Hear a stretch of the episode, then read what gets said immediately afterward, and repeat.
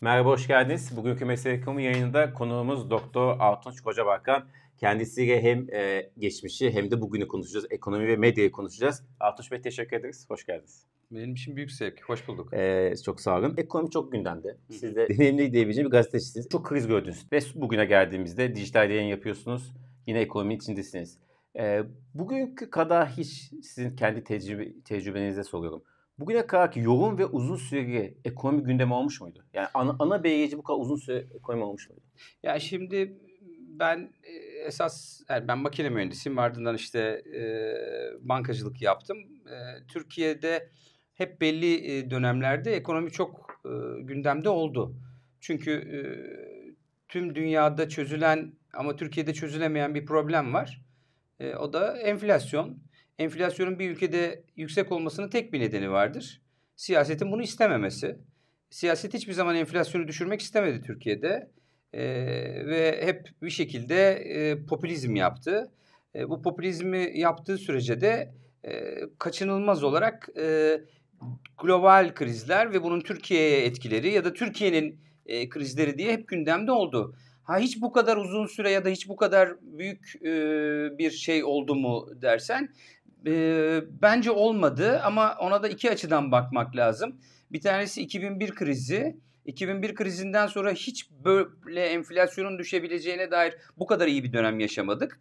E, hayallerimiz hani Türkiye hadi bu sefer Avrupa Birliği süreci falan bambaşka bir yere gidiyor olumlu manada diye konuşuyorduk. E, o olacakken oradan e, bir şekilde eşekten düşmüş gibi olmak e, tabii bambaşka bir sonuç getirdi. O yüzden haklısın. Yani böyle bir süreç yaşanmadı. Yani çokça 94 krizine, Çiller dönemine benzetiyorlar.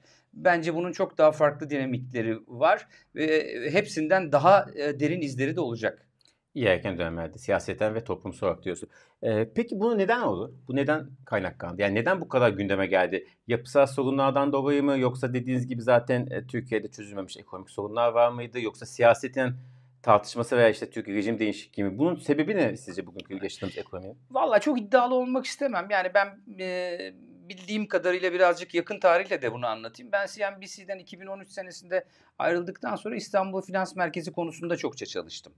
E, o dönem İstanbul Finans Merkezi'nin İstanbul'un bir finans merkezi olması açısından daha büyük bir fırsat vardı. Çünkü enflasyon düşüyordu. E, Avrupa Birliği ile ilişkiler iyiydi. Ama e, ben hani akıllı sermaye diyeceğim daha batılı anlamda iş yapan sermaye ve onun sahiplerinin hep e, bu hükümete çekinceyle baktığını e, gördüm. Yani hani İngilizcesi too good to be true diyorlardı. Gerçek olamayacak kadar iyi diyorlardı. E, ben onların haklı çıkmayacağını e, düşünerek ya da umarak finans merkezi konusunda e, çalıştım. O zaman finans merkezi konusunda çalışmaya başladığımda e, Sayın Berat Albayrak e, daha yeni siyasete atılıyordu ve ben e, kendisiyle daha önceki görüşmelerimden esasında siyaseti ve dünyayı bilen, ekonomiyi bilen e, bir kişi olarak e, pozitif e, sonuçları olabileceğini düşünmüştüm. Ama o dönem dediğim gibi çok inanmayanlar oldu buna ve maalesef haklı çıktılar. Çünkü e, özellikle e, Türkiye'de bence siyasetin önündeki en büyük e, problem bir e, altyapısının ya da bir ekibinin olmaması. Yani bugün de çokça tartışılan bir konu bu. Yani acaba bir lider geldiği zaman e, dış politikasıyla ya da ekonomisiyle veya başka alanlarıyla onları biraz daha bildiğim için onları öne çıkararak söyledim e, biliyor mu e, nasıl yapabileceğini, nasıl davranabileceğini. Çok güçlü bir lider elbette çok önemli. Türkiye bunu seviyor ama e, bence şeylerde problem var. E, ekiplerde problem var. Zaten hani şu anda siyaseten geldiğimiz noktada da bu çok açık gözüküyor. E, mesela tek parti koalisyonuymuş AK Parti. Değil mi? Hani içinde içinden iki tane parti çıktı. Belki iki tane daha çıkacak. çıkacak. Bilmiyorum bunları ama ya buradaki temel sorun bence e, ekip e, sorunu. E, ben aynı ve benzer sorunları hani bunları söylediğiniz zaman ya iktidara bıraktım bir de muhalefeti mi eleştiriyorsun diyorlar ama ya bizim görevimiz eleştirmek. Yani çünkü ben bir konuyu biliyorsam o konuyla ilgili muhatap olduğum insanların iş dünyası ve ekonomi e, tarafındaki iz düşümlerini tartışmak durumundayım. Bugün mesela çok e, önemli bir örnek mesela enflasyonla mücadele Türkiye'de edilmiyor. Bugün bunu Sayın Bakan da söyledi. Tek başımıza Evet, halledemeyiz evet. dedi. Esasında tek başına halledebilir. Yani o iradeyi gösterirse iş dünyası peşinden gelir ama e, yani enflasyonla mücadele edilmiyor. Şimdi enflasyonla mücadele edilmezken e, sayın mesela muhalefet partisi lideri e, zam yapmayın diye işte gıda perakendecilerine mektup gönderiyor. Ya kardeşim sorun o değil ki. Veya hani bu böyle bir müdahaleci bir şey söylediğin zaman insanlar o zaman düşünüyorlar yani bu da müdahale ediyor. Sen de gelince sen de mi müdahale edeceksin diye. E, dolayısıyla ben hani o iyi o kötü manasında söylemiyorum bunu. E, serbest piyasa ekonomisinin işlemesi manasında siz ne nasıl ne görüşe sahip olursanız olun eğer bu konuda bir e, düşünceniz varsa bunu e, sürdürmeye gölge e, edecek söylemlerde ya da e, eylemlerde bulunmamanız gerekir diye düşünüyorum. Türkiye'nin temel problemi bu bence. Peki temel problem bu. Ekonomideki temel sorun hangisi? Yani şöyle temel sorun demeyeyim de çözülmesi gereken en acil sorun neye görüyorsunuz? Enflasyon yani enflasyon çünkü enflasyon dünyada yok yani. Dünyada herkes bunu çözmüş ve e, bunun da hani ben hep söylüyorum sokaktaki çocuğa söyleseniz nasıl çözüleceğini bilir artık yani. Döviz piyasaları peki? Döviz piyasaları falan hepsi bunlar enflasyonla ilintili e, sorunlar. Çünkü hani o çok güzel bir örnek. Düğmeyi bir gömlekte bir düğmeyi yanlış bağladığınız zaman hepsi e, ardı ardına sorunlu gidiyor. Türkiye'de enflasyon sorunu çözülmediği için yani işte bir mali kural diye bir şey getireceksiniz. Yani mali kural ne? Ayağını yorganına Evet. göre uzat. O veya harcadığın paraları verimli yerlere harca. İşte zombi şirketler yaratma. Yani zengini daha zengin, fakiri daha fakir yapma. Gelir adaletini sağla, vergi adaletini sağla. Bunlar bence çok basit. Hiçbir zorluğu yok. Yani sokaktaki vatandaşın aklını karıştırmak ya da popülizmle başka şeyler söylemek bence yani bizim küresel manadaki sorunları konuşuyor olmamız lazım. Onun için de ben mesela hani artık bana dolar falan sormayın yani. Bence hani e, Ali Perşembe çok güzel söylemişti onu bir yayında. One way. Yani belli yani enflasyon yani da olduğu sürece enflasyonu çözmek için bir şey yapmadığın sürece her taraftan hani bu pıtrak gibi çıkar. Orayı kapatsan orayı çıkar. Orayı kapatsan orayı çıkar. Biz esas sorunla uğraşmıyoruz. Ne Türkiye bunu hak ediyor, ne Türk halkı bunu hak ediyor, ne ekonomidekiler hak, hal- e, hak ediyor, ne siyasettekiler hak, e, hak ediyor veya hepimiz birlikte hak ediyoruz. Peki orada iyi yani iyimser bir senaryo sahip değil misiniz orta vade en azından? Yo Türkiye için ben her zaman çok iyimserim. Enflasyonda diyorum. Enflasyonda orta vadede iyimser bir senaryoya sahip olmak demek önce orta vadeyi tanımlamamız lazım. Hani e, mesela Türkiye'de Evet. biliyorsun kısa vade bir hafta Evet. işte. hani orta vade En azından yıl sonu kadar veya 2022. Enflasyonun düzelmesi için bir neden gözükmüyor. Bu sene enflasyon yani şimdi üçünde rakamlar gelecek yüzde seksenleri falan bulacağız. Kur tarafından dayak yemeye devam edeceğiz. Yaz ayları diye belki bir miktar sakinlik göreceğiz. Ondan sonra enflasyon bu sene yüzde 60'ın altında falan kapatmaz. E böyle olan bir ortamda hani 80'den 60'a düştü diye enflasyon sevinmek çok, Çok doğru değil. Doğru. Bir de enflasyonu doğru anlamak lazım biliyorsun Evet. hani gazdan ayağını çekiyorsun da yine Araba duvara gidiyor. yine duvara doğru gidiyorsun yani. Evet, hızlı bir belki biraz Evet. yavaşlıyor. Evet. Son değişmiyor. Peki şunu soracağım. Şimdi e, ekonominin seçme üzerinde çok belirleyici bir e, rol oynadığı hep söylenir ki bu söylenmesinde data verilerde çıkıyor anket sonuçlarında veya geçmişteki seçim sonuçlarında. Siz de böyle bir şey görüyor musunuz? Gerçekten seçmen davranışı üzerinde ekonomi e, bu kadar belirleyici mi Türkiye'de? Ya ben yine çok haddimi aşmak istemem. Bunlar belki senin daha iyi bileceğin konular. Hani vakti zamanında Ruşen'le de çalışmışsın. Hani siyaseti çok iyi bilen bir insan. Kendisine büyük saygım da var. Şu şunu ben biliyorum. Hani dünyada da böyle ya. Hani ekonomi çok belirleyici. Biz şimdi hani Türkiye'de sadece belli diye konuşuyoruz ama veya işte hani fıkralar söylüyoruz ya şeyin e, dünyanın sonu gelmiş. Hı. Fransız işte sevgilisini almış, pikniğe gitmiş, öbürü barbekü yapmış. Türk de gitmiş, döviz almış diye. E çünkü bu bizim önümüze konulan menü bu. Menü bu olduğu için biz hep böyle e, işte tencere kaynamazsa e, siyaset dönmez. Rahmetli Demirel'in lafı. Oradan gidiyoruz ama dünyada da böyledir. Dünyada o sorunlar olmadığı için yani enflasyon gibi çok abuk bir hastalıkla uğraştığımız için yani şeye benziyor bu. Yani cüzdan yok değil mi Allah korusun dünyada? Niye yok? Aşısı var, Evet. bilmem nesi halledilmiş değil mi? Evet.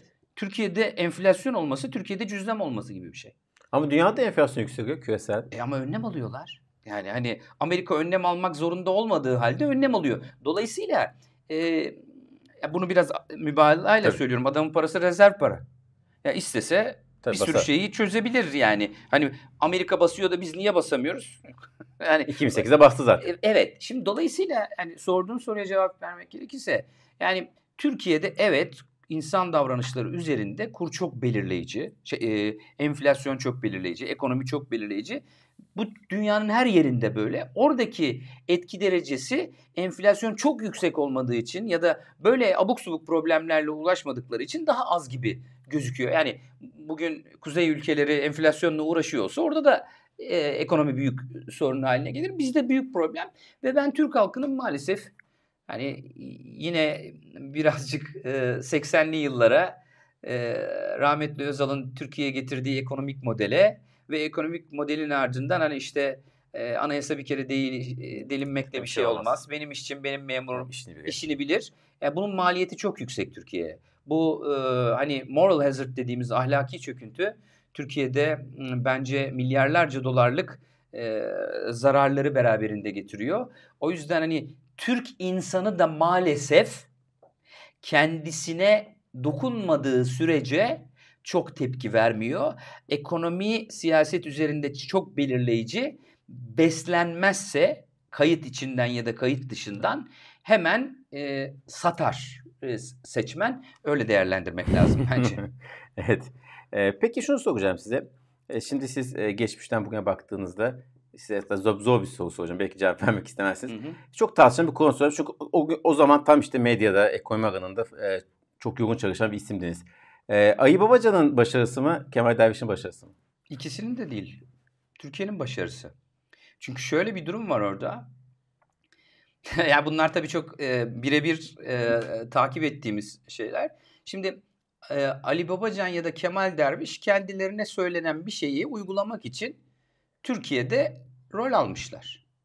Yani sen şunu esasında soruyorsun bana. Hani bu soruya böyle cevap verme Artunç diyorsun. Kemal Derviş programını mı devam Evet. ettirdi Ali Babacan Aynen öyle, diyorsun? diyorum. Evet öyle tabii ki. Yani O zaman de- başarı kime yazılıyor? Bilmiyorum onu siyaset bilir. Bence başarı yani ya şöyle bakmak lazım. Bence rahmetli Ecevit'i anımsamak lazım orada. Ya da rahmetli İsmail Cem'i hatırlamak lazım orada. Mesela İsmail Cem bana bir yayına geldiği zaman Amerika'da Türkiye için Pentagon'da Moderate Islam Republic diyorlar. Artunç Bey bunun çok büyük acısını çekeceğiz demişti. Ben o zaman anlamamıştım ne demek olduğunu. Sonra anladım. Veya e, rahmetli Ecevit seçime giderken biz bütün gemileri yaktık, bütün reformları yaptık. Niye seçime gidiyoruz diye seçime gitmişti. Onu o zaman anlamamıştık. Ya şimdi bunlar e, Türkiye bakıldığında 11 Eylül'den sonra e, Amerikan hazinesinde Türkiye'ye aktif olarak destek olmaya devam edeceksiniz söylendiğinde orada da bir hikaye vardı. Uluslararası e, toplumda e, Türkiye bir şekilde Avrupa ve Amerika'ya yakın e, o tek kutuplu dünyada bambaşka bir e, konjonktür içerisinde oraya çıpalanarak e, hızla ilerliyordu. Yani eller kalktığında Avrupa Evet. Birliği üyeliği için 2004. Türkiye bambaşka bir yere gidiyordu. E, baktık ki yine orada da bir şey sorunu varmış, ekip sorunu varmış. Bir ekip çıktı. O ekip Evet. çıktıktan sonra bambaşka bir şekilde bambaşka bir ekiple daha içine kapanan bir Türkiye ile yürüdük. E, Sayın Cumhurbaşkanı o süreci e, devam ettirebilseydi belki Türkiye farklı bir yerde olabilirdi ama hani bence burada Ali Babacan'ın başarısı mı, Kemal Derviş'in başarısı mı? Bence o Sayın Cumhurbaşkanı'nın başarısıymış, Tayyip Bey'in başarısıymış. Çünkü böyle bir koalisyonu devam ettirebiliyormuş. Başarısızlık da yine o koalisyonu devam ettirememe başarısızlığıdır bence. O yüzden Türkiye böyle insanlar üzerinden gitmemeli. Yani Ali Babacan ya da Kemal Derviş değil. Türkiye'de bir sistem sorunu var. O sistemde Türkiye'nin belli bir standartta ekonomi ya da siyaset yapabilmesi için altyapının değişmesi problemi. Bunu halletmediğiniz sürece Ahmet gelmiş, Ali gelmiş, Kemal gelmiş hiçbir şey o zaman fark siz etmeyecek. muhalefet, işte Millet İttifakı'nın adayının ismini de o kadar önemli bulmuyorsunuz. Ya Türkiye'de işler binary yürüyor ya. Ben hani siyaseti yine çok bildiğim bir konu olmadığı için karışmak istemem. Ben Artunç Kocabalkan olarak cevap verebilirim buna. Sıfır ya da bir gibi gidiyor. E, Tayyip Bey'i istemiyorsanız bu tarafa oy vereceksiniz. İstiyorsanız o tarafa oy vereceksiniz diye. Türkiye bu yani second best Hani kötünün Evet. iyisinden kurtulmadığı sürece bence bir şey yapamaz. Ha bir sürü insan gibi e, şu mantığı da herkes görüyor. Ya işte bu kadar temel problemlerin yapılmaması için en azından işte e, mevcut iktidarın gitmesi lazım. Ben Türkiye'nin oradan bir adım ileri gitmesini istiyorum. O gitti öbürü geldi. Öbürü geldiğinde ne olacak konusunu istiyorum. Yok ciddi bir enflasyonla karşı karşıya kalacağız. Ya bakın bu hani benim muhalif ya da iktidar yanlısı olmamla alakalı değil. Ben çocuklarımın geleceği için e, yani 50 yaşımdan sonra tür, çocuklarım Türkiye'de e, sağlıklı, mutlu, huzurlu bir yaşam içerisinde olsun. Hepimizin çocukları böyle olsun. Bunları düşünmek gerekir diye düşünüyorum.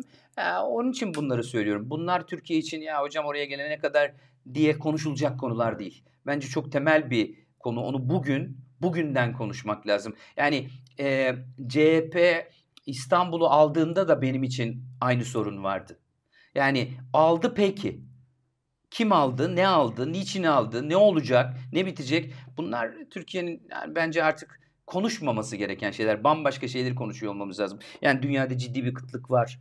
E, küresel ısınma var. Gelir eşitsizliği var. Bunları konuşuyor olmamız lazım. Biz hala maalesef enflasyon o gidince öbürü gelince ne olacak onu konuşuyoruz. E, Peki- hicap duyuyorum ben doğrusu. Peki kişisel tecrübenize dayalı şunu sorayım. Ee, ne zaman bunları konuşmaya başlarız en iyi ihtimalle? Yani gıda krizine, işte dönüşümü, Çok hızlı teknoloji. konuşmak zorundayız.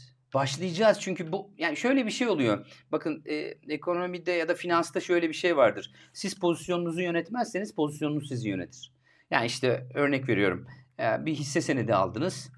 Yani ya e, yatırımcısınızdır ya tradersınızdır. Pek çok insan önce e, trader olmayı seçer. Heyecanı, adrenalini dolayısıyla. Sonra o kağıt gitmeyince ben bunu satmayayım, yatırım portföyüne atayım deyip yatırımcı olur. Demek ki aldığınız pozisyon doğru bir pozisyon değilse o pozisyon size ne yapacağını söyler. Halbuki bir şekilde doğru pozisyonu alıp o pozisyonla ne yapacağını, e, zarar mı keseceğini, kar mı alacağını, ne yapacağını bilen bir insansa pozisyonu yönetir. Şu anda Türkiye hani Harari'nin kitabından belki birazcık kopya bu. Teknolojiyi, bilgiyi alıp işliyor mu? Yoksa onları işlemiyor. Kullanıyor, Ne kullanıyor. olduğundan haberi mi yok? Ee, eğer onun haberi yoksa yönetilen olursunuz.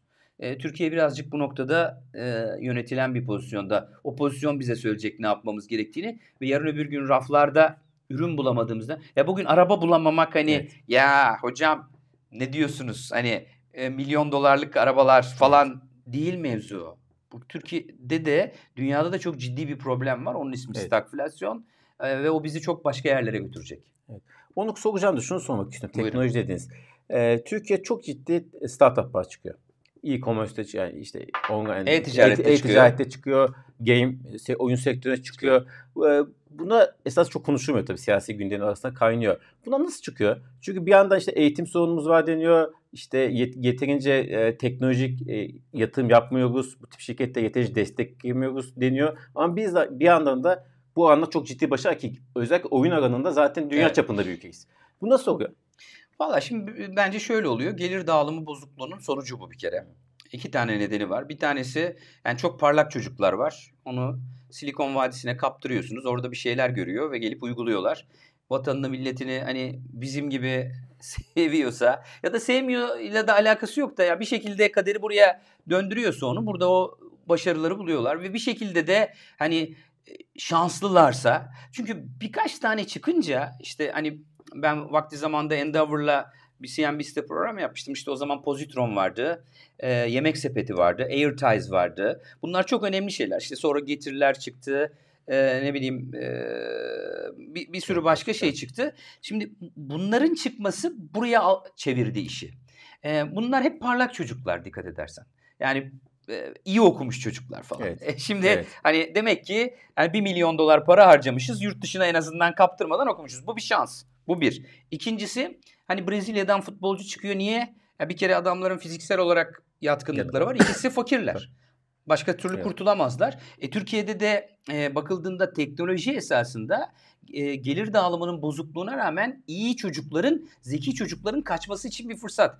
Yani çünkü hani nasıl e, şey yapıyorsun işte e, metaverse'te bir şeyler yapıyorsun işte e, kripto alıyorsun. Kripto ne diye düşünülmüştü? Yani işte özgürüz, 3 kuruş parayı yatırırız, milyonlar Evet. kazanırız diye. O hayat da biraz öyle. Bence bir özgürlük sağlıyor. O da hani bize has bir mecburiyetle e, f- free entrance'ın yani serbest müteşebbisin kolay girebilmesi dolayısıyla oluyor. Ama başka alanlarda daha f- farklı işler, daha zor yürüyor. Keşke Türkiye sermayeye kolay ulaşabilecek ve bunları yapabilecek şey de olsa. Eğitim sorunumuz tabii var.